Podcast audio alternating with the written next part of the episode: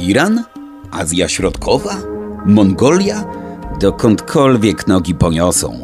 Byle przed siebie, byle dalej, byle na wschód, a dokładniej centralnie na wschód. Zapraszam, Michał Korczowski. Dzień dobry, witajcie. Przy mikrofonie Michał Korczowski. Zapraszam na kolejny odcinek programu Centralnie na Wschód. Będzie to odcinek do pewnego stopnia niezwykły, ponieważ tym razem z niekłamaną przyjemnością zabiorę Was na wycieczkę, poniekąd do Azji Centralnej. A to za sprawą mojej wizyty w miejscu wprost wspaniałym, czyli w Muzeum Azji i Pacyfiku w Warszawie. Była to moja pierwsza wizyta w tym wyśmienitym muzeum i już od samego wejścia byłem po prostu oczarowany. Jeżeli dotąd nie mieliście okazji pojawić się tam osobiście, naprawdę gorąco do tego zachęcam, ponieważ zbiory, a także samo muzeum robią po prostu niesamowite wrażenie. A jako, że powiedziałem, że zabieram Was na wycieczkę do Azji Centralnej, śpieszę wytłumaczyć – Muzeum zainteresowało mnie nie tylko ze względu na swoje bardzo bogate zbiory dotyczące szeroko pojętej Azji, a także Pacyfiku, ale przede wszystkim ze względu na wystawę stałą poświęconą Azji Centralnej. Dzięki uprzejmości jej opiekunki, pani Karoliny Krzywickiej, miałem okazję zobaczyć zbiór naprawdę niesamowitych eksponatów, do czego zresztą zachęcam Was. Wy co prawda już za chwilę będziecie mogli może niekoniecznie zobaczyć te eksponaty na własne oczy, ale mam nadzieję, że dzięki naszej dźwiękowej formie zwiedzania będziecie mieli okazję pobudzić swoją wyobraźnię i zobaczycie je oczyma wyobraźni. A zatem bez dalszego opóźniania zapraszam serdecznie do Muzeum Azji i Pacyfiku. Dziś skupimy się przede wszystkim na tych eksponatach, na tej części zbiorów, która dotyczy Azji Centralnej. I co polecę Pani na początek? Od czego zaczniemy?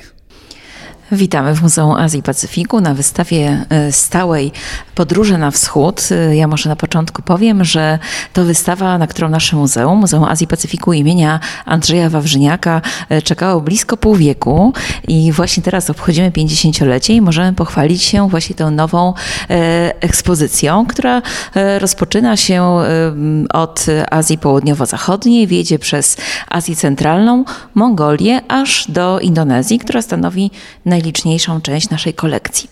Ale dzisiaj skupimy się na części poświęconej Azji Centralnej. Mam przyjemność być współkuratorką razem z panią dr Magdaleną Ginter-Frołow właśnie części poświęconej Azji Centralnej. E, koncepcja tej e, wystawy opiera się e, na takim podziale na część poświęconą cywilizacji miejskiej, cywilizacji wielkich miast dawnego jedwabnego szlaku, do których należą chociażby Samarkanda, Buchara, ale także afgańskie miasta takie jak Herat czy Kabul. W tej części przede wszystkim Zobaczymy za chwilę e, wspaniałe rękodzieło, skomplikowane, mm, skomplikowane przykłady e, ceramiki, wyrobów metalowych, ale także biżuterii oraz e, wykwintne stroje właśnie mieszkańców tych, nie, tych niezwykle bogatych niegdyś miast, wielokulturowych miast jedwabnego szlaku. To jedna z części właśnie tej, tej wystawy poświęconej Azji Centralnej, natomiast uzupełnia ją druga część ekspozycji poświęcona kulturze koczowniczej, czyli tej, e, temu dziedzictwu, które mm, jest charakterystyczne przede wszystkim dla ludów turkijskich tego regionu, takich jak Turkmeni, e, Kazachowie, Kirgizi, ale także Uzbecy oraz prowadzący także częściowo koczowniczy styl życia Pasztunowie zamieszkujący Afganistan. To oczywiście odmienna grupa nie należąca do, do ludów turkijskich. Więc na wystawie y, za chwilę przeniesiemy się y, właśnie do przestrzeni zainscenizowanej na taką przestrzeń wielkiego bazaru, z których słynęły właśnie dawne wielkie metropolie jedwabnego szlaku. W tej przestrzeni właśnie prezentujemy takie wyroby, które mogły powstać, wyroby rzemiosła artystycznego, ale także wspaniałe, bogate tkaniny jedwabne, które mogły powstać wyłącznie właśnie w obrębie takich wieloetnicznych miast, które mm, w swojej, można powiedzieć, strukturze przede wszystkim y, gromadziły mm, mm, przedstawicieli różnych grup etnicznych, którzy przybywali w różnych celach, także właśnie z karawanami do tych miast na bazary. I stąd też koncepcja bazaru, która pojawia się na naszej y, wystawie, ale także poza bazarami oczywiście bardzo ważną rolę w tych miastach e, pełniły, pełniły budowle przeznaczenia sakralnego, takie jak e, meczety, e, czy chociażby szkoły koraniczne, czyli medresy. Natomiast my jesteśmy w kręgu różnych, różnych grup etnicznych zamieszkujących Afganistan mm, i może zaczniemy od początku, czyli od takich bardzo charakterystycznych dla tego regionu naczyń wykonanych z metalu, które nie, nie, niegdyś uchodziły za przedmioty luksusowe. E, nie wszyscy mogli sobie na nie pozwolić. E, były one często wykuwane, powstawały w warsztatach przybazarowych, bo to jest też takie bardzo charakterystyczne mm, dla e, właśnie bazarów tego regionu, że nie były tylko miejscem handlu, ale także wyrobu niektórych przedmiotów, jak chociażby właśnie metalowych naczyń, dzbanów na wodę zwanych oftoba, które służyły przede wszystkim wszystkim do ablucji, czyli do właśnie mm, na porządku dziennym były wykorzystywane e, do, mm, do praktyk po prostu religijnych związanych z nakazami e, islamu, ale w części zobaczymy także różnorodne e, dzbany, także na gorącą wodę, która była podgrzewana, a także czajniczki metalowe, które pojawiły się dopiero w tym regionie pod koniec wieku XIX pod wpływem mm, porcelany rosyjskiej. Więc one naśladują swoją formę porcelanowe właśnie imbryki. Y, w tej części, która jest poświęcona takim utensyliom y, dnia codziennego, które też no, nie były przeznaczone dla każdego, nie były, nie były dostępne dla każdego, prezentujemy także bardzo ciekawy przykład y, wyrafinowanego rzemiosła, w którym specjalizowali się rzemieślnicy, artyści z miasta Herat w Afganistanie. Prezentujemy tutaj błękitne, turkusowe, przepiękne szkło z Heratu, który jest takim właśnie bardzo charakterystycznym typem przedmiotów, który, który jest y, nieprzerwanie wytwarzany w Heracie do dzisiaj. A eksponaty, które widzimy na wystawie, z jakiego okresu pochodzą? Y, eksponaty, które prezentujemy na wystawie, nie są y, bardzo leciwe. Najstarsze z nich pochodzą z końca XIX wieku, większość z nich z przełomu XIX i XX, ale są i takie, które są świadkami współczesnej historii. Y, cała kolekcja środkowoazjatycka w naszym muzeum, właśnie z nich zostało pozyskanych w latach 60 70. Są to przede wszystkim e, zbiory, które za chwilę zobaczymy w kolejnej gablocie, czyli e, bogata chociażby ceramika. Ceramika, czyli e, ta dziedzina mm, rzemiosła artystycznego, e, która akurat w Azji Centralnej ma bardzo długie tradycje, ponieważ e, jej rozwój, pierwszy, można powiedzieć, pierwszy etap takiego intensywnego rozwoju jest związany z pojawieniem się islamu w tym regionie. Wraz właśnie z islamizacją Azji Centralnej pojawiły się także właśnie nowe techniki, w tym właśnie ceramika, która była glazurowana kolana powstawała na kole garncarskim, tym zawsze zwyczajowo zajmowali się mężczyźni. Powstawała ona i powstaje do dzisiaj w takich wielopokoleniowych warsztatach, gdzie wiele tajników, zarówno dotyczących właśnie otrzymywania efektów kolorystycznych, jest, jest przekazywana z pokolenia na pokolenie. I e, mamy tę przyjemność posiadać jedną z największych kolekcji dwudziestowiecznej e, ceramiki e, z Uzbekistanu i Tadżykistanu. Jest to bardzo bogata kolekcja obejmująca ponad 250 artefaktów. Tutaj widzimy tylko kilkanaście z nich, co przyznam jest bardzo trudne, żeby zobrazować, można powiedzieć, całą fantazję i zróżnicowanie tego typu wyrobów. Natomiast możemy tutaj zobaczyć takie charakterystyczne przykłady ceramiki, przede wszystkim z najważniejszego dla tej sztuki regionu, jakim jest Risztan, y, czyli miejscowość y, w Kotlinie Fergany, skąd pochodzi taka właśnie turkusowo-biała ceramika mm, o takich bardzo fantazyjnych, roślinnych wzorach i do dzisiaj jest to najważniejsze centrum wyrobu ceramiki w całym regionie, chociaż jest to miasto uzbeckie i tutaj właśnie powstają najważniejsze dla uzbeckiej ceramiki wyroby. Nie chciałbym umniejszać mhm. oryginalności tych eksponatów, oczywiście są mhm. piękne i naprawdę mhm. zwracają uwagę. Niemniej nie mogę powstrzymać się od skojarzeń z ceramiką bolesławiecką. To jest to, co na tak. pierwszy rzut oka przychodzi mi do głowy od razu. Tak, to e, wielu osobom przychodzi na myśl, e, zwłaszcza w kotlinie Fergany. E, opiera się chociażby na takich zestawieniach bieli i kobaltu, czasami różnych odcieniów właśnie błękitów, czasami jest to taki właśnie kolor przypominający nam turkusowy, czasami taki bardziej właśnie morski, no ale to ta kolorystyka nie jest przypadkowa, ponieważ takie akwatyczne barwy, odcienie błękitów są charakterystyczne dla ceramiki tego regionu i y, tak naprawdę ich geneza jest dużo, dużo wcześniejsza. Zresztą taka kolorystyka, pamiętajmy, dominowała w niedoścignionym wzorcu, jakim była porcelana chińska. Więc tutaj y, można powiedzieć, najpierw ta kolorystyka pojawia się tam, później w Azji Centralnej, a do Bolesławca dociera dużo, dużo później.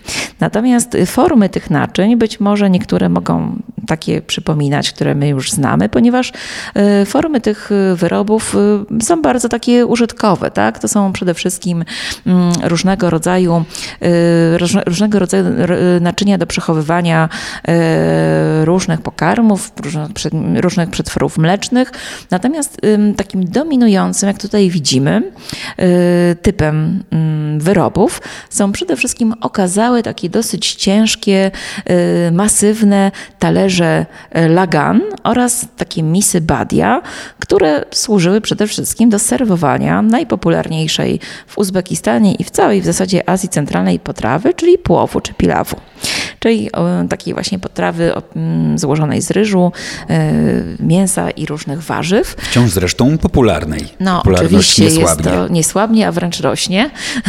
tak, więc tutaj widzimy y, przykłady właśnie takich, tego typu naczyń, ale są także liczne czarki na herbatę, y, jak sobie możemy przypomnieć z naszych podróży, chociażby po tym regionie. Jest to nieodłączny element całego rytuału, który właśnie jest zawsze tutaj powielany przez bardzo gościnnych gospodarzy, e, Uzbeków, e, Tadżyków, ale także przedstawicieli innych narodów tego regionu.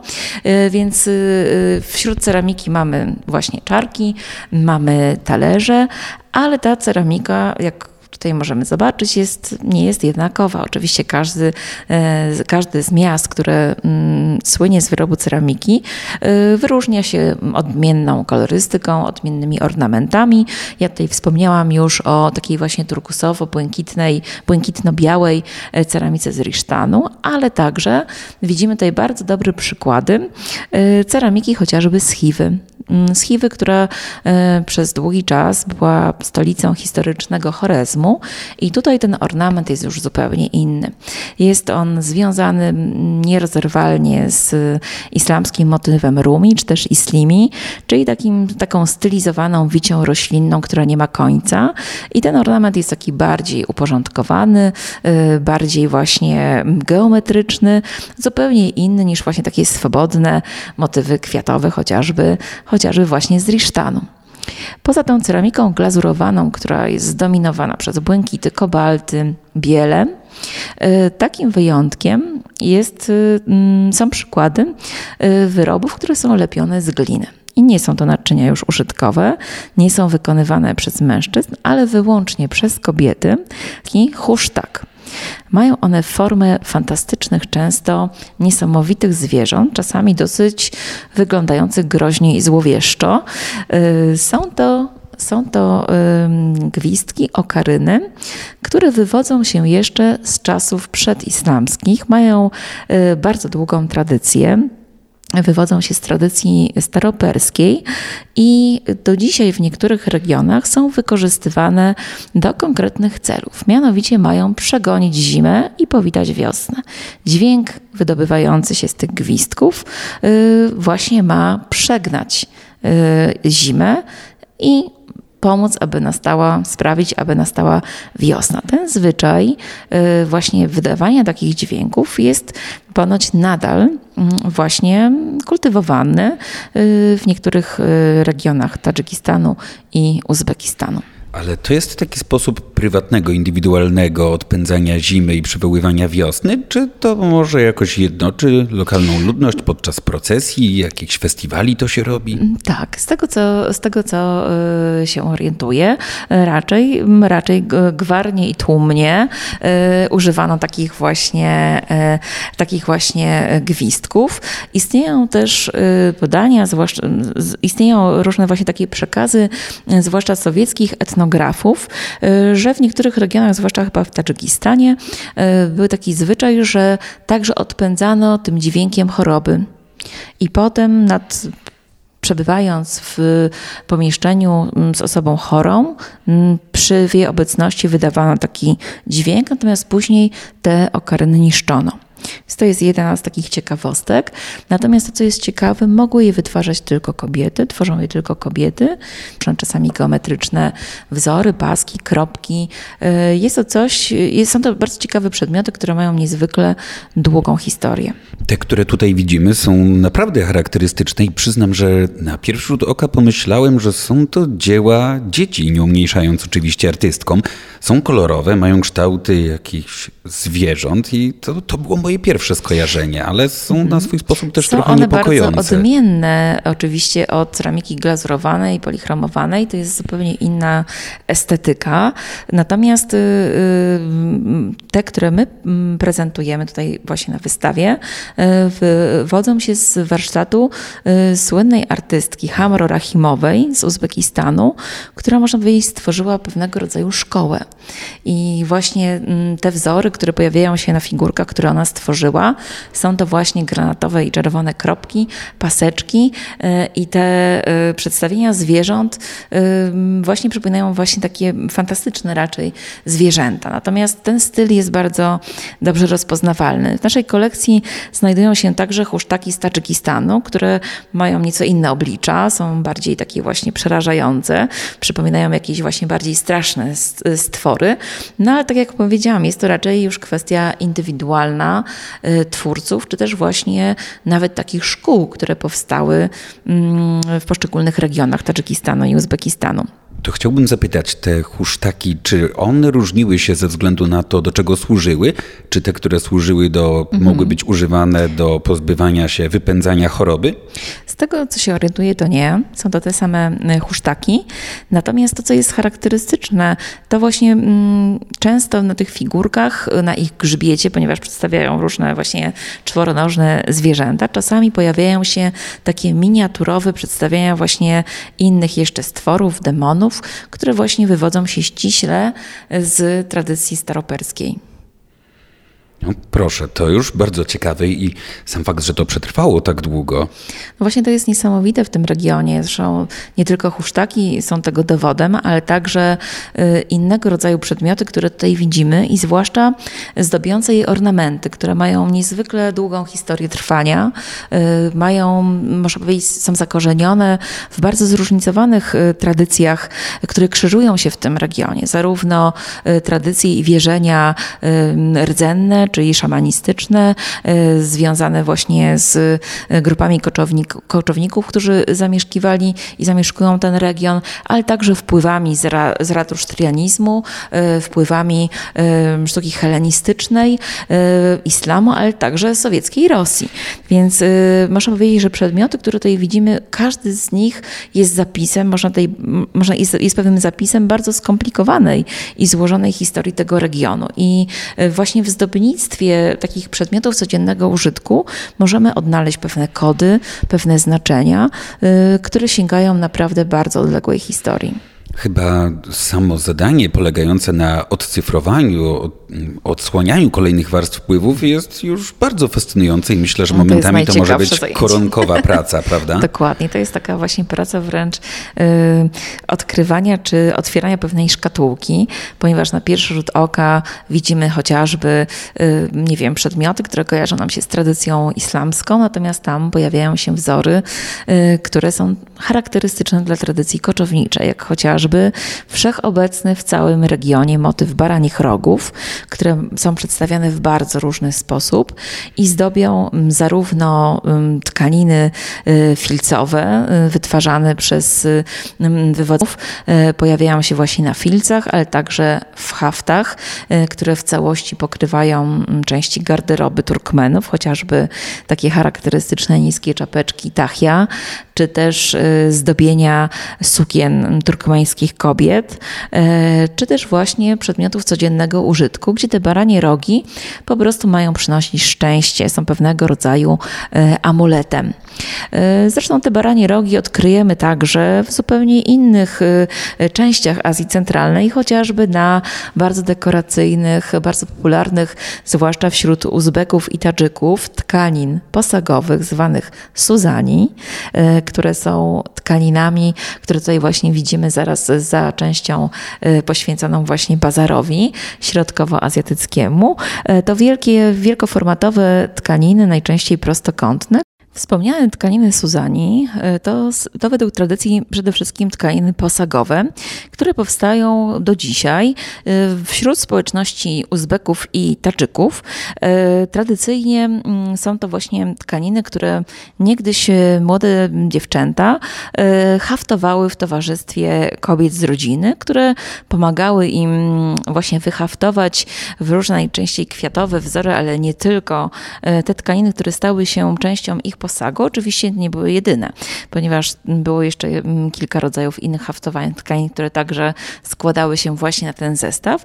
I podczas takiego haftowania yy, młode dziewczęta także posiadały wiedzę od starszych kobiet, yy, co je czeka po prostu po zamąż pójściu. I kunszt tak naprawdę tych haftów miał też pokazywać yy, przymioty przyszłej panny młodej.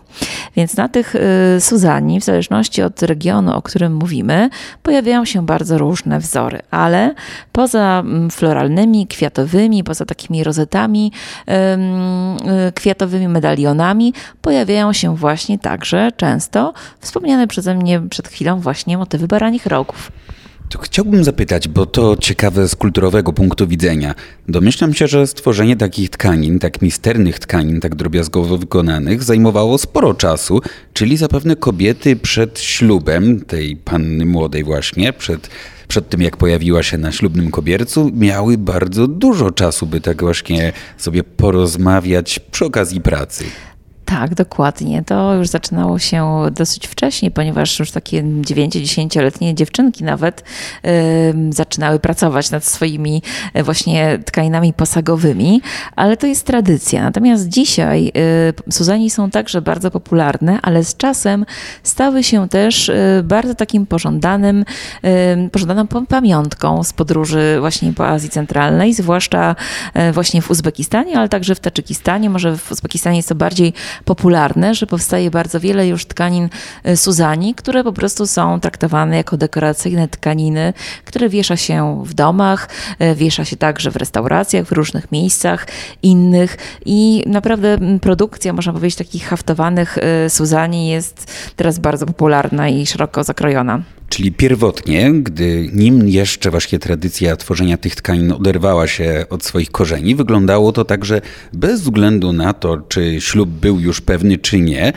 kobieta, czy też dziewczynka, nawet w wieku 9 lat, już przystępowała do pracy Dokładnie tak, bo tak. kiedyś ten moment musiał nadejść. Więc to raczej było oczekiwanie na odpowiedni moment, a nie czy on się zdarzy.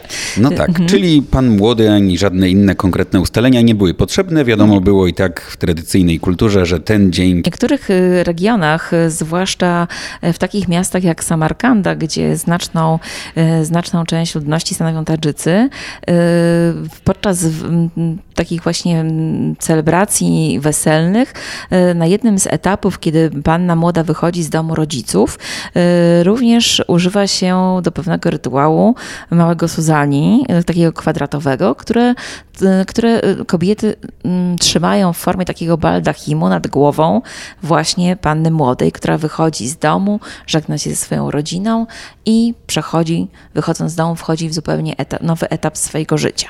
Więc nadal w niektórych właśnie miejscach ta tradycja jest niezwykle żywa, natomiast tak jak jak właśnie wspomniałam, one mają też drugie życie dzisiaj, czyli właśnie stały się pamiątką z podróży po Uzbekistanie na przykład, ale także stały się te tkaniny inspiracją dla mm, chociażby projektantów wnętrz, którzy wykorzystują na przykład stare Suzani i dokonują takiego etnorecyklingu, stosując je po prostu na poduszkach czy jakichś innych elementach wystroju już poza Azją Centralną.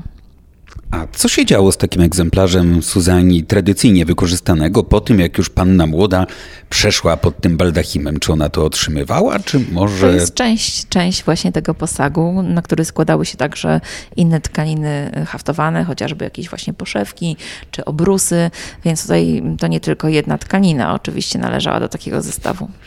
No tak, gdyby to była tylko jedna tkanina, byłby bardzo skromny posag. Nie wróżyłoby to dobrze.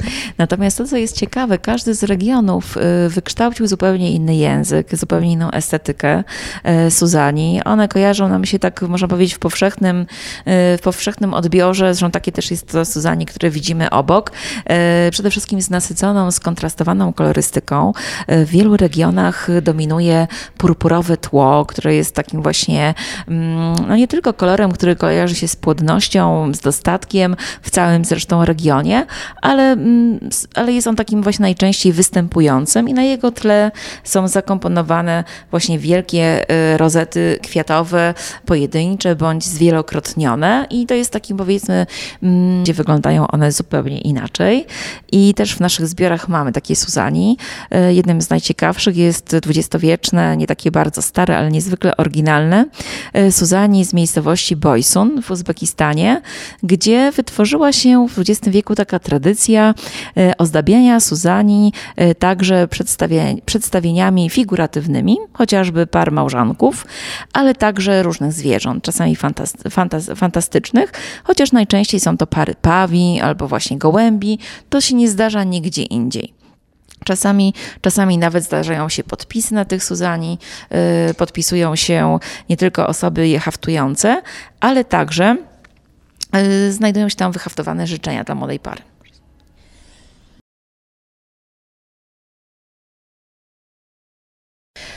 Poza e, haftowanymi tkaninami Suzani, które są tak charakterystyczne i, y, i właśnie rozpoznawalne przede wszystkim właśnie dla e, zdobnictwa Uzbeków i Tadżyków, y, to haft występuje także wśród innych y, e, grup etnicznych zamieszkujących właśnie ten bardzo zróżnicowany region, jakim jest Azja Centralna i hafty zdobią praktycznie przede wszystkim stroje i nakrycia głowy niemalże wszystkich grup, które tutaj prezentujemy, czyli będą to przede wszystkim Turkmeni, ale także Pasztunowie, a także Tadżycy.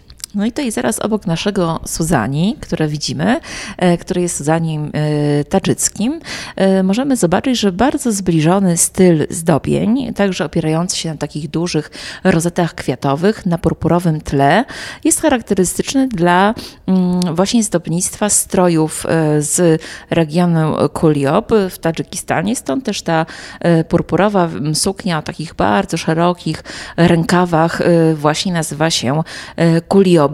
Zresztą służy ona także, mm, te, te szerokie materiały, y, przepraszam, te szerokie rękawy haftowane służą do charakterystycznego tańca z tego regionu, nimi się wymachuje i wtedy można zaprezentować w całości ten wielki kwiatowy wzór.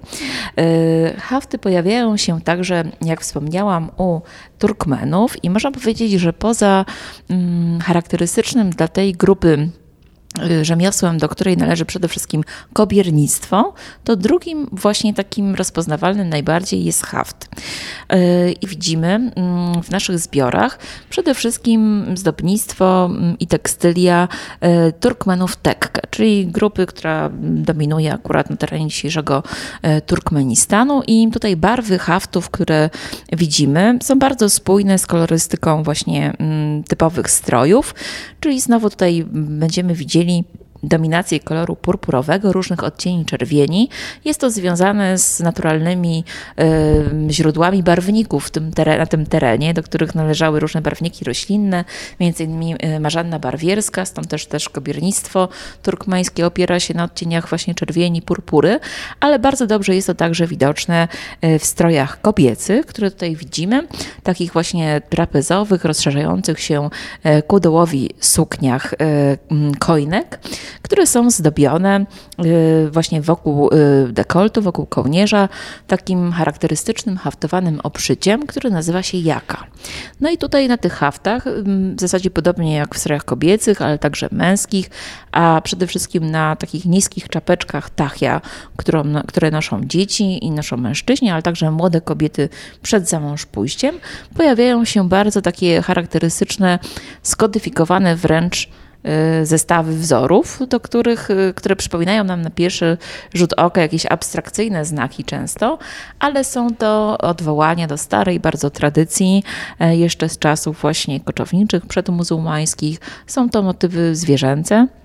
Należą do nich właśnie wspomniane już wcześniej baranie rogi, ale także orli pazur, jakieś e, właśnie mm, inne motywy zwierzęce, które jednak są zmultiplikowane i tworzą taką wręcz nierozpoznawalną e, od razu na pierwszy rzut oka mozaikę.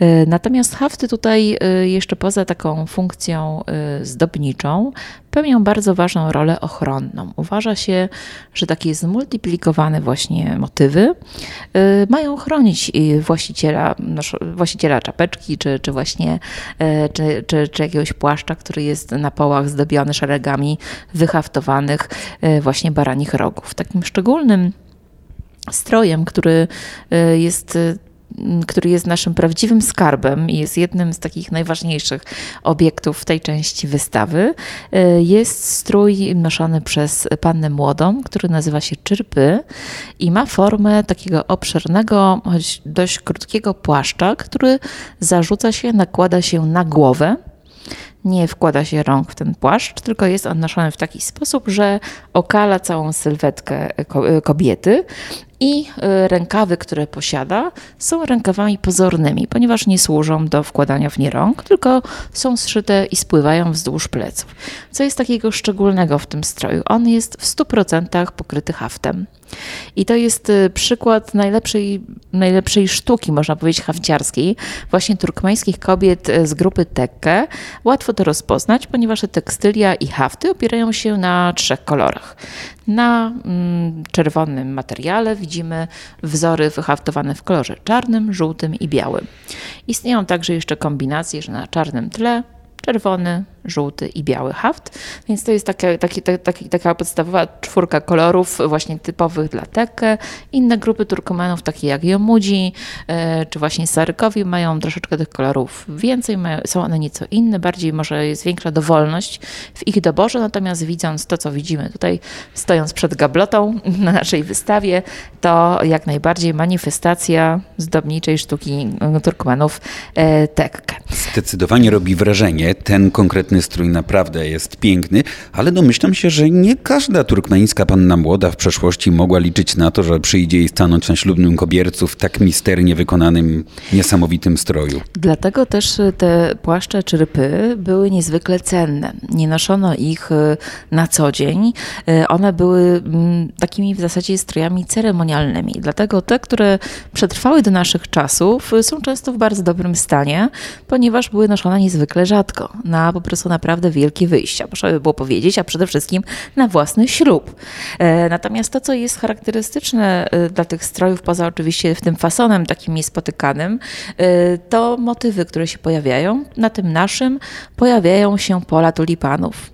I to jest też taki motyw bardzo charakterystyczny. Jest to symbol płodności w tym regionie. I też może taka mała dygresja, że to właśnie tulipany pochodzą stamtąd, tak? czyli właśnie z Azji Centralnej i z dawnej Persji, a nie z Holandii, jak się niektórym może wydawać. To właśnie kwitnące pola, y, pola tulipanów kojarzą się właśnie z wielością, z płodnością, y, z takimi właśnie pozytywnymi y, zjawiskami. Stąd też ten tulipan występuje jako taki symbol właśnie płodności. A pozostałe stroje, pomijając już właśnie ten najbardziej misterny strój przewidziany na tak szczególne okazje jak ślub, one też robią wrażenie, są piękne i domyślam się, że również chyba nie każda kobieta na co dzień mogła paradować w czymś takim.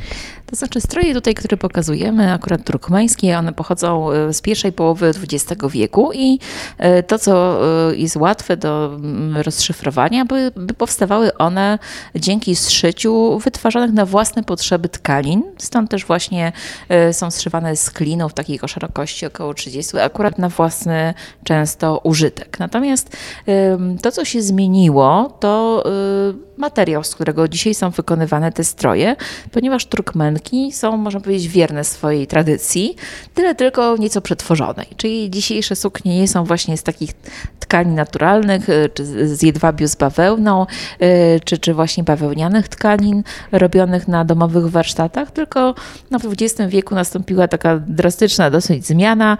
Weszły y, tkaniny syntetyczne o nieco innej kolorystyce, często dosyć, e, dosyć takie właśnie przylegające do ciała i dzisiaj jak zobaczymy suknie współczesnych Turkmenek, one także są długie, także są zdobione e, właśnie haftem wokół szyi, natomiast bardziej podkreślają sylwetkę, wysmuklają ją, nie są już takie luźne jak e, każe islamska tradycja. Czyli są trochę nieortodoksyjne, przynajmniej pod tym względem, ale mam nadzieję, że te nowe tkaniny nie są łatwopalne. No to zależy, no, zwłaszcza te poliestrowe to mogą być. Natomiast y, właśnie to, co jest ciekawe, że jakby formuła została, to znaczy długa suknia, haftowana, do tego nakładany na nią płaszcz czabet, który jest y, najczęściej mm, w przypadku młodych, niezamężnych kobiet zawsze czerwony, purpurowy, którego poły i y, mankiety są zawsze bogato haftowane.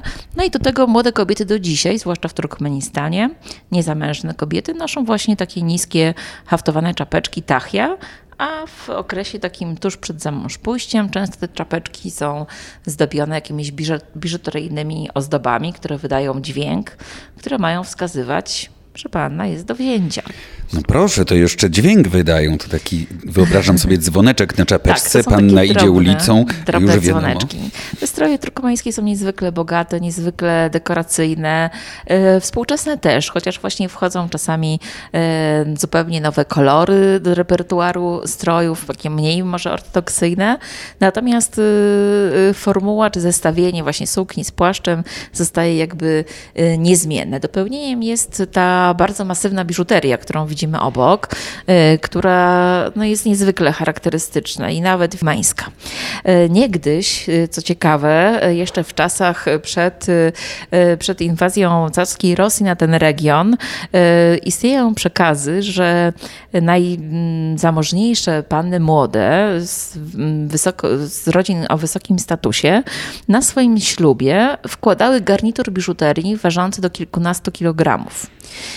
I e, to była prawdziwa zbroja, ponieważ były to e, bardzo okazałe, obfite formy, e, zarówno naszyjników, wysokich bransolet, jakie tutaj podobne zresztą widzimy obok.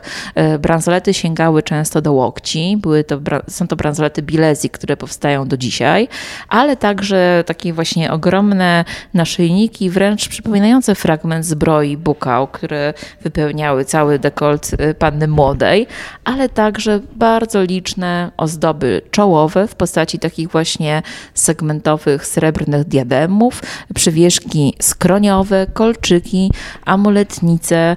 Naprawdę jest to kawał, można powiedzieć, bardzo dobrego i ciężkiego srebra.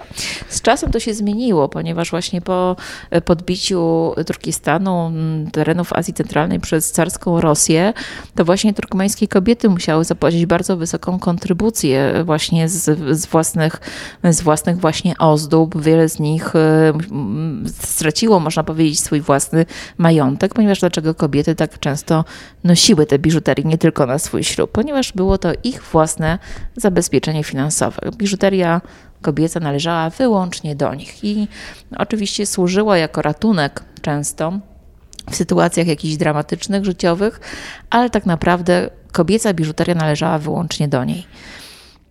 I te, ozdo te ozdoby właśnie, co też e, ciekawe, e, mają najczęściej takie właśnie formy e, zgeometryzowane, takich właśnie albo romboidalnych plakiet, albo okrągłych. Natomiast to, co jest takim, można powiedzieć, też taką ciekawostką no, wśród naszych zbiorów, co też możemy tutaj obok zobaczyć, jest bardzo ciekawy ornament, który występuje tylko u Turkmenów, czyli tak zwane zawieszenie asyk.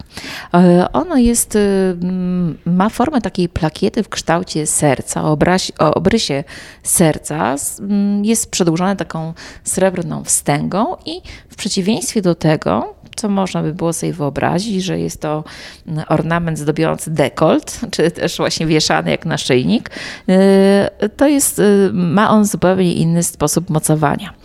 Y, choć asyki często były bardzo duże, bo ten nasz to ma 25 cm wysokości Dość i jest to pokaźna, jest. pokaźna ozdoba srebrna, wysadzana owalnymi karnolami, jak większość ozdób turkmeńskich, była mocowana na zwisających wzdłuż pleców w warkoczach młodych kobiet. Był to y, tak naprawdę amulet, który miał jej zapewnić przede wszystkim szczęście w małżeństwie, ale przede wszystkim płodność. Miał chronić ją przed utratą tej płodności. No właśnie, warto tutaj podkreślić, że w realiach tradycyjnego turkmeńskiego społeczeństwa właściwie to rola kobiety w dużej mierze zależała od tego, jak bardzo będzie w stanie wywiązać się, powiedzmy, ze swojego obowiązku wobec społeczności związanego tak. z potomstwem. Tak, ale to jest czy, czy sytuacja, która dotyczy wszystkich tak naprawdę niegdyś um, tradycyjnych koczowniczych społeczności. Natomiast to, co warto dodać, oczywiście najważniejsze dla kobiety poza pójściem i wydaniem, było wydanie oczywiście potomka na świat. Płci męskiej. Y, no najlepiej, ale tak, tak, no to zdecydowanie było preferowane. Natomiast to, co warto powiedzieć, jak już tutaj zatrzymaliśmy się przez chwilę przy Turkmenach, e, to chyba w żadnej innej społeczności kobiety nie miały tak wyrównanej pozycji, ponieważ pamiętajmy, że e, wśród y, prowadzących koczowniczy styl życia grupach, czy to właśnie Turkmenów, czy Kazachów, czy Kirgizów, no, mm, istniał bardzo taki klarowny podział na rolę. Po prostu rodzina czy, czy większa społeczność nie byłaby w stanie jakby polegać wyłącznie na pracy czy zaangażowaniu męskich członków rodziny, tylko po prostu to musiało funkcjonować y, w taki sposób, y, to funkcjonowało w taki sposób, że jak y, mężczyźni zajmowali się przede wszystkim e, wypasem, mm, wypasem owiec, czy, czy właśnie mm, wręcz przez długi czas przebywali poza jurtą, poza właśnie tym przenośnym domem, w którym mieszkali, tak naprawdę y, utrzymanie czy też prowadzenie domu, zapewnienie dzieciom w zasadzie wszystkiego należało do kobiet.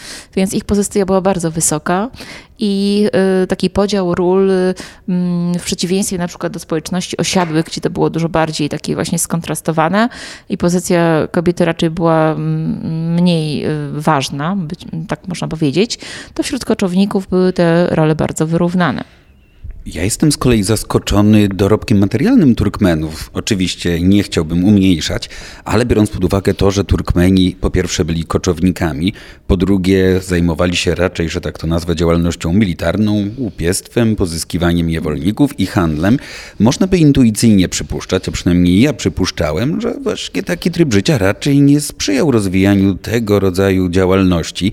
A jeżeli chodzi o kwestie związane z tkaninami, o których już powiedzieliśmy, to naprawdę naprawdę misterne rzeczy, piękne, wymagające naprawdę, domyślam się, bardzo długiego czasu, jeżeli chodzi o ich wykonanie. No i sama biżuteria też nie wydaje się prowizoryczna. Tak, to prawda, że tutaj często torebnymi y, występkami na pewno na ich na wzbogacenie grup turkmańskich na pewno wpłynął przede wszystkim udział w handlu niewolnikami y, w XIX wieku. Natomiast y, mnie i wielu osobom Turkmeni przede wszystkim kojarzą się jako twórcy najbardziej, naj, najwyżej cenionych kobierców. I to jest chyba pierwsze skojarzenie, jakie przynajmniej przychodzi tak mnie przynajmniej na myśl, mówiąc o Turkmenach, ponieważ ponieważ to właśnie kobierce turkmeńskie słyną z wielkiego po prostu kunsztu wykonania. Są to najbardziej ścisłe i najbardziej gęste dywany. I tutaj można powiedzieć, że każda z grup turkmeńskich wykształciła inny typ kobierców.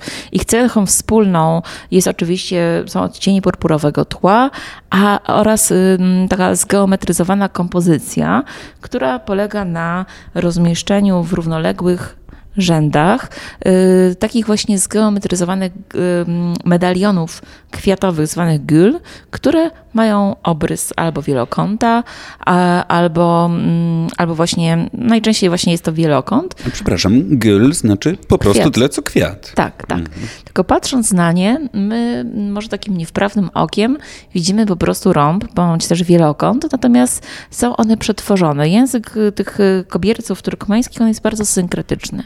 Tutaj geometria, porządek, rytmiczność, powtarzalność są tymi cechami, które y, od razu jakby sprawiają, że możemy rozpoznać, że są to kobierce właśnie turkmeńskie. Więc w zależności od tego, czy y, grupa Tekke, czy, Salo, czy Salorowie, czy Sarykowie, czy Jomudzi, y, no w zasadzie mamy do czynienia z ogromnym bogactwem i zróżnicowaniem tych kobierców. Zresztą od nazw grup poszczególnych turkmeńskich pochodzą właśnie nazwy tych kobierców. Natomiast w Europie mm, turkmeńskie kobierce, które były niezwykle popularne i znane już w czasach nowożytnych, bo pojawiają się chociażby w malarstwie europejskim, to y, bardzo popularne i chyba niemalże każdy być może raz widział takie kobierce, to te z takimi rzędami właśnie wielobocznych, wielkich medalionów na tle właśnie purpurowym. One są w Europie znane jako tak zwane bucharki albo właśnie kobierce w typie buchara. Ale nie dlatego, że wyrabiano je w Bucharze, tylko że w Bucharze znajdował się jeden z największych targów po prostu i bazarów, gdzie można było pozyskać te dywany. Natomiast były one sprzedawane przez właśnie koczowniczych Turkmenów którzy przybywali na te wielkie bazary, właśnie taki bazar, jak tutaj widzimy na wystawie, i sprzedawali swoje bardzo cenione wyroby. I stąd właśnie te bucharki. Dokładnie stąd ta nazwa. No proszę, to teraz być może, gdy komuś z osób słuchających nas zdarzy się zauważyć te charakterystyczne wzory, jak pani powiedziała, były dość rozpowszechnione w Europie, teraz będzie można je skojarzyć z dość, powiedziałbym, nieoczekiwaną okolicą. No właśnie, no więc tutaj do dzisiaj zresztą turkmeńskie dywany są niezwykle cenione i jeżeli uda nam się dotrzeć do Turkmenistanu, jest to najcenniejsze, co możemy stamtąd wywieźć. Tutaj podkreśliłbym właśnie to, że jeżeli uda nam się dotrzeć, no bo w przypadku Turkmenistanu niekoniecznie jest to tak oczywiste, choć jasna sprawa, środki transportu są, ich nie brakuje, ale ze względów formalnych, ze względów na nazwijmy to eufemistyczne, wpuszcza. Dokładnie. Może jest, nie jest to takie właśnie łatwe jak w przypadku innych krajów z tego regionu, gdzie każdego dnia możemy już polecieć dzisiaj do chociażby Uzbekistanu, czy Kazachstanu, czy Kirgistanu. Natomiast jak już dotrzemy do Turkmenistanu, to na pewno warto y, taki kobierzec y, przywieźć, ale musimy pamiętać, że wymaga to specjalnego pozwolenia i wydania certyfikatu w specjalnym biurze, gdzie nawet najmniejszy dywanik formatu A4 musi mieć taki glade, musi mieć taki certyfikat, który jest sprawdzany później na lotnisku. Domyślam się, że wysokość opłat, jakie musimy wnieść, aby uzyskać ten obowiązkowy certyfikat, może zależeć w dużej mierze od hmm, humoru urzędnika. No myślę, że tutaj większą trudnością jest jakby sam zabieg i cała procedura e, niż, e, niż jej koszty, ale nie zapominajmy o tym, ponieważ no, nie wyjedziemy z naszym kobiercem bez, bez takiego certyfikatu. Jest to naprawdę wielkie dobro narodowe. Zresztą o roli kobierców w kulturze Turkme, Turkmenów i Turkmenistanu świadczy chociażby fakt, y, że najważniejsze muzeum w tym kraju to Muzeum Kobierców właśnie które, jeżeli akurat komuś uda się jednak szczęśliwie trafić do Ashhabadu, zawsze warto Trzeba odwiedzić. je obejrzeć. Trzeba. Bez wątpienia, chociaż ja to mówię trochę gołosłownie, bo tam nie byłem, ale wierzę pani opinii. Tak, tak, to jest, to, to jest na pewno obowiązkowy punkt na mapie Ashhabadu. Więc może warto się postarać, zwłaszcza mówimy tutaj, czy adresujemy to do osób, które są koneserami tego rodzaju dzieł sztuki, no bo śmiało możemy tutaj mówić o dziełach sztuki właśnie. No i tutaj mówiąc o tekstyliach, myślę, że y, moglibyśmy przejść dalej. Y, tutaj y, w naszej części bazarowej, no na chwileczkę od niej odeszliśmy w kierunku właśnie tradycji koczowników i tekstyliów koczowników, ale wracając do naszego bazaru, Poza tym rękodziełem, które przed chwilą widzieliśmy, czyli ceramiką, przedmiotami metalowymi, jest także przepiękna kolekcja biżuterii, która przyznam jest bardzo bliska mojemu sercu.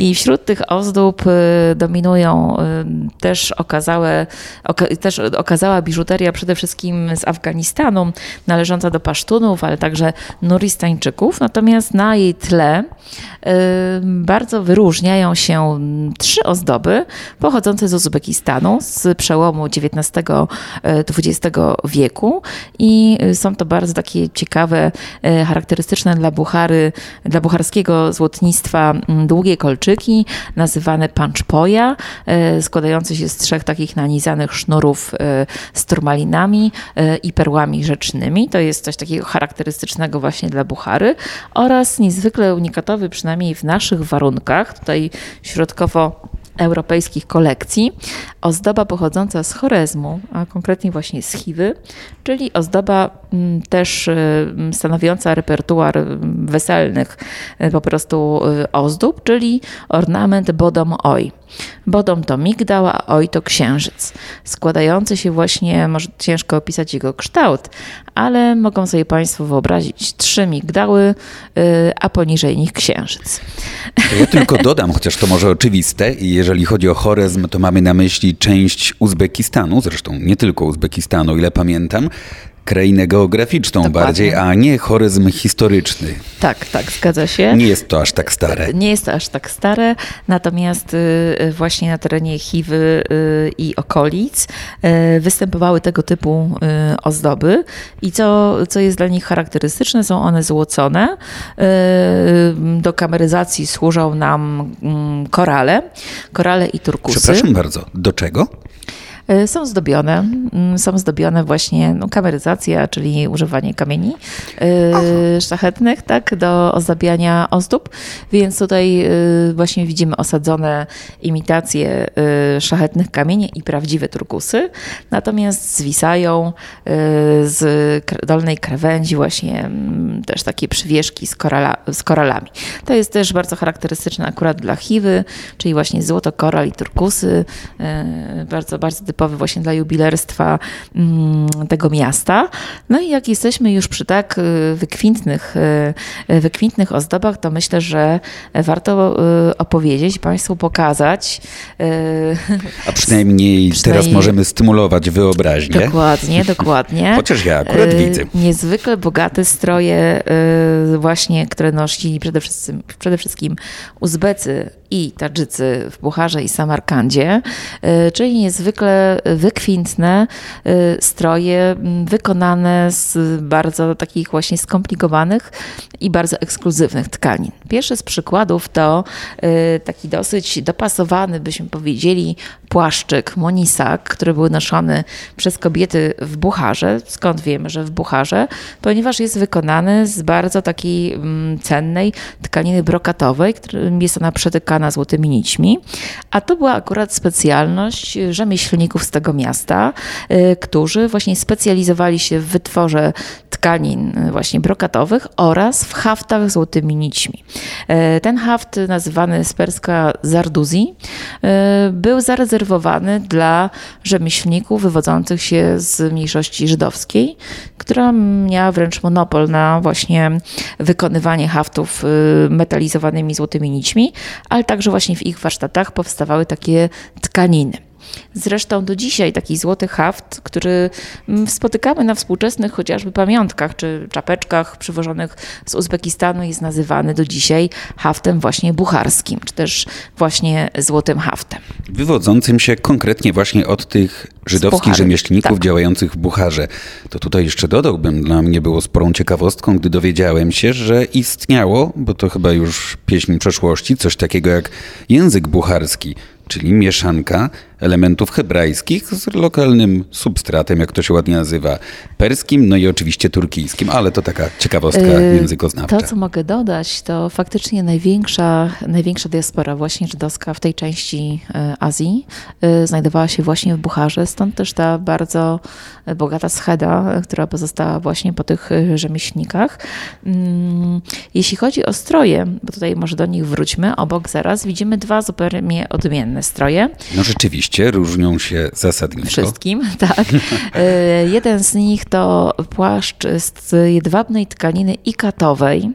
E, ta tkanina mm, jest bardzo, ten typ tkanin jest niezwykle charakterystyczny dla e, właśnie Uzbekistanu i Tadżykistanu, zwłaszcza mm, Uzbekistanu. Tradycyjnie te tkaniny powstawały i nadal zresztą powstają, są produkowane w Kotlinie Fergany, taką miejscowością główną, gdzie wytwarza się jej dzisiaj jest e, Margilan. Natomiast y, historia tych tkanin jest niezwykła, ponieważ są one niezwykle eleganckie. To, co możemy na pierwszy rzut oka powiedzieć, poza tym, że są to tkaniny właśnie jedwabne, wyróżniają się niezwykłymi wzorami, które są pozbawione konturu. Są jakby przypominają nam takie właśnie zawieszone obłoki bez obrysu. I tak też te tkaniny w Uzbekistanie się nazywają abr. Abr, czyli chmura. Natomiast my nazywamy je często ikatami od techniki, w której zostały wykonane. Abr, y przepraszam, to też daje nam pewien wgląd w genezę i właściwie wielokulturowość regionu, bo o ile wiem, to słowo wywodzące się z języka perskiego. Tak, zgadza się. I może mało o tym dzisiaj mówimy, ale mówiąc o całym regionie Azji Centralnej, właśnie zlepku wielu, y, wielu kultur, wielu języków, y, w których no, można powiedzieć taką dominującą rolę właśnie stanowił język perski, różne języki turkijskie, no, w pewnym okresie także arabski, no i w pewnym okresie także rosyjski, tak, który w tym regionie jeszcze też jest dosyć popularny.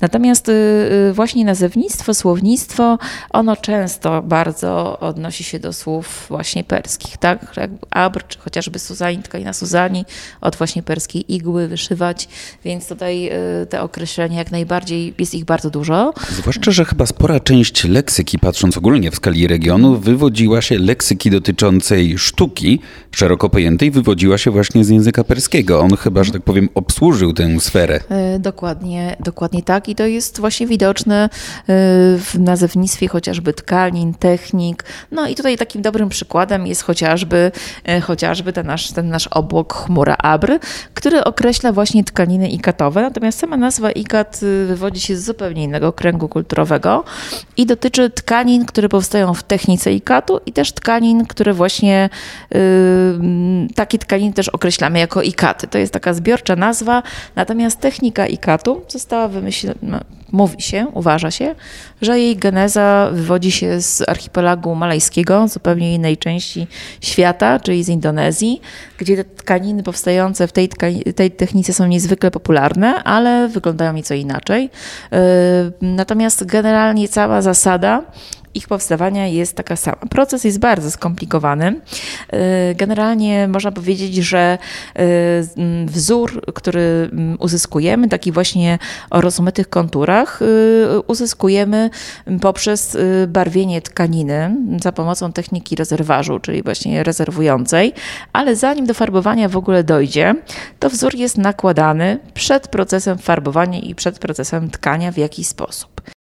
Tkaniny, y, które nazywamy tkaninami ikatowymi, powstają właśnie mm, na całym świecie w zasadzie, gdzie występują na podobnej zasadzie, ale efekt końcowy, czyli to, co widzimy, wygląda nieco inaczej. Natomiast ich cechą wspólną jest to, że motywy przedstawiane, wzory na tkaninie są pozbawione konturu. Mają one rozmyty kontur, właśnie takie zatarte, można powiedzieć, obrysy, a wynika to bezpośrednio y, z techniki y, farbo, ich farbowania, która polega na e, właśnie rezerwowaniu, czyli zabezpieczaniu poszczególnych części wzoru, naprzędzy poprzez taki właśnie materiał y, zabezpieczający, którym może być wosk albo jest to tkanina zabezpieczona woskiem.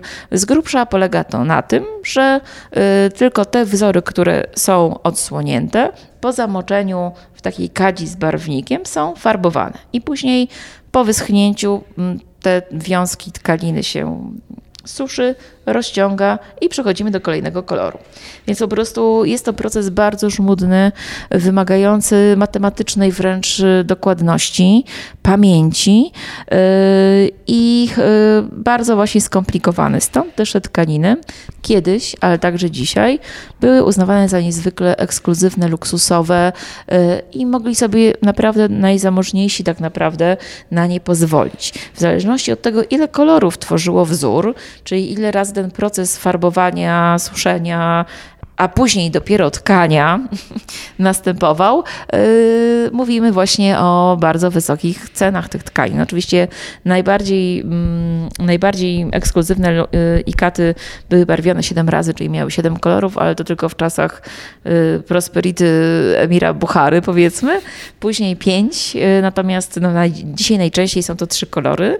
Yy, ta sztuka jest kultywowana do dzisiaj, natomiast wymaga ogromnej, ogromnego doświadczenia ogromnej wiedzy, stąd też tylko kilka rodzin się tak naprawdę tym zajmuje. Natomiast co ciekawe, ten płaszcz, który tutaj widzimy, ponieważ przypominał po prostu taki instrument daira, bardzo popularny, taki, taki tamburyn, powiedzmy, y, typowy właśnie dla niektórych części Azji Centralnej, y, to jest wzór, który może nam się wydać znajomy, ponieważ na nowo odkrył go y, w latach, na początku lat 2000 wielki projektant zachodu Oscar de la Renta, który zakochał się w uzbeckich ikatach i stworzył swoją własną kolekcję inspirowaną właśnie tradycyjnymi uzbeckimi ikatami. Udał się do Margilanu, gdzie wraz z artystami, rzemieślnikami uzbeckimi stworzył swoją pierwszą kolekcję. I tak zaczął się wielki pochód, można powiedzieć, y, ikatów uzbeckich y, w modzie zachodniej, który trwa właśnie od y, bodajże 2005 roku do dzisiaj. I te ikaty od Oscara de la Renty przez domy mody Gucci, Van Noten czy inne stały się po prostu wielkim odkryciem i mm, stały się niezwykle popularne. Więc to taka tylko może dygresja od tego hałatu płaszcza, który widzimy obok, do Oscara de la Renty. Natomiast... Domyślam się, że właściciel tego hałatu był człowiekiem bardzo majętnym. To oczywiste w świetle tego, tak, co pani ten, powiedziała. Ten wzór, ta, tak. E, zresztą, e, e, zresztą mieszkańcy Buchary, ale też Samarkandy, którzy nosili takie płaszcze, uchodzili za bardzo elegancki, osoby bardzo eleganckie. Mówią o tym chociażby opisy podróżników, którzy w okresie Wielkiej Gry, która toczyła się w Azji Centralnej, odwiedzali te miasta i opisywali, opisywali tak naprawdę, no, widząc chociażby kobiety w takich ikatowych płaszczach, bo też i mężczyźni, i kobiety nosili takie płaszcze, paryżankami wschodu. Więc to też mówi, y, że podziw te tkaniny wzbudzały zawsze mm, i, i, były takim właśnie bardzo charakterystycznym mm, elementem właśnie kultury, kultury tych, y, tych miast. I z pewnością wskaźnikiem statusu. O tak, to, to, to z pewnością. Podobnie jak właśnie haftowane stroje, chociażby tym bucharskim złotym haftem. Ale tutaj y, obok, pomiędzy właśnie brokatowym płaszczykiem i ikatowym płaszczem widzimy strój, który mm, jest naprawdę niezwykły e, z wielu powodów, ponieważ jest to strój kobiecy parandża, jest to strój podkreślający islamską tożsamość jego właścicielki, ale dlaczego ten strój jest taki interesujący? Ponieważ y, jest to typ y, stroju, który mm, jest bardzo charakterystyczny. Jest to mm, obszerny strój okalający całą sylwetkę, noszony, po prostu zawieszany na głowie, tak że opływa całe ciało i y, wyróżnia się takimi zwężającymi się, bardzo, bardzo długimi rękawami, które spływają wzdłuż pleców. Są one zszyte i ten strój miał właśnie mm, po prostu tak naprawdę sprawiał, że kobieta była niewidoczna y, dla innych, również y, przez wzgląd na to, że nosiła do tego pewną zasłonę, bardzo taką charakterystyczną zasłonę na twarz w formie prostokątnej płachty, która była y, pleciona bardzo ściśle z czarnego końskiego włosia. Jest to mm, zasłona nazywana czaszwan, czyli właśnie parandża i czaszwan, taki komplet, można można powiedzieć, dla kobiet wychodzących po prostu na zewnątrz. Że zyskał na popularności w czasie inwazji carskiej Rosji na ten region. Natomiast jego dzieje były dramatyczne, podobnie jak i kobiet, które go nosiły, ponieważ jak zmieniła się epoka, zmieniły się czasy, po wybuchu rewolucji październikowej, czyli już trochę później jesteśmy tutaj w kalendarzu, y, to y, te stroje, jak i, jak i wszystkie przejawy y, właśnie manifestowania przynależności właśnie do islamu, czy manifestowania poprzez strój swojej tożsamości były zakazane. I są takie wzmianki, że dochodziło do takich właśnie drastycznych zdarzeń, że po prostu siłą odzierano kobiety po prostu z tych strojów i one były niszczone, były palone na placach. Stąd też w kolekcjach muzealnych bardzo niewiele tych paranczy się zachowało. Dlatego też ta, którą widzimy tutaj, uszyta z jedwabnego aksamitu w takim natężonym fioletowym kolorze, no, jest niezwykle unikatowym mm, przykładem tego typu stroju. Poza tym, już nawet poza kontekstem, rzeczywiście robi wrażenie, wygląda pięknie. To kolejny eksponat, co do którego trudno mieć wątpliwości, że na pewno wymagał bardzo długiej, misternej, drobiazgowej tak, bo pracy. jest tutaj właśnie też haftowany. Zresztą jego podbicie, e, jego podszewka jest tkaniny katowej, tylko właśnie bawełnianej. Więc jest to naprawdę unikatowy strój, zwłaszcza z tą właśnie w komplecie zasłoną Czaczwan. E, jest to bardzo ciekawy przykład takiego oryginalnego stroju, który jeszcze na przełomie XIX, XX i w pierwszej ćwierci XX wieku był noszony. Jeżeli chodzi o parandże, to chociażby teraz na YouTube można bez problemu znaleźć radzieckie filmiki propagandowe dotyczące właśnie tego stroju, chociaż oczywiście strój był tu tylko pewną metaforą. One są najczęściej, tak jak widziałem, konwencji wręcz horroru. Teraz to może trochę śmieszyć, jest to lekko pretensjonalne, ale tak, y, prze, przesłaniem tych filmików jest oczywiście emancypacja kobiet, wyzwalanie ich od opresji, którą symbolizuje właśnie ten strój. Tak, to, była, to był właśnie język, język tej propagandy, ale to też miało na celu właśnie jakby zniszczenie jakby mm, wszelkich jakby przejawów y, no, stroju muzułmańskiej kobiety, tak? E, takiego, który był właśnie według ich nakazów y, wcześniej. No, podróż w tej części y, wystawy, chociaż tutaj no, w zasadzie poruszyliśmy bardzo niewiele jeszcze wątków, ale więcej będą musieli Państwo odkryć już będąc na naszej wystawie. Do czego zdecydowanie zachęcamy. tak. Jakkolwiek Państwo teraz nie mogą jej widzieć, my wystawę widzimy. Ja cały czas jestem pod wrażeniem, obserwuję z szeroko otwartymi oczami i naprawdę warto.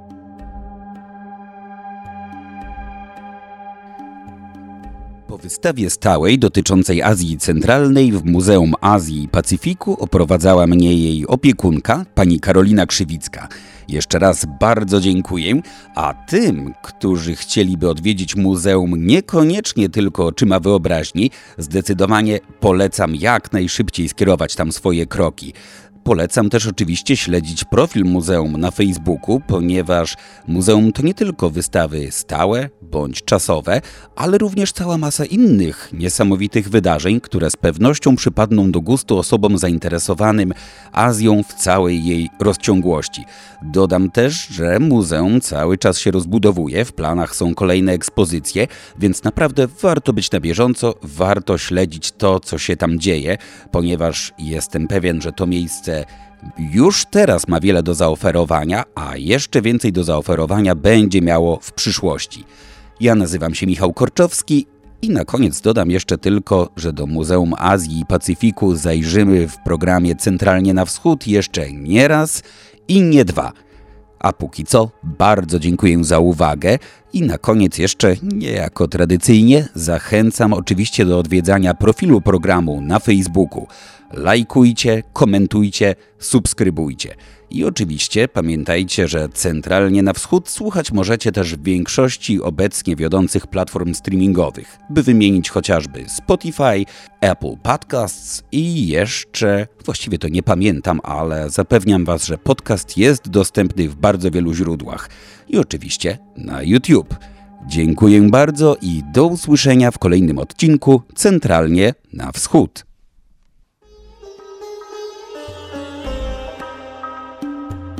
Thank.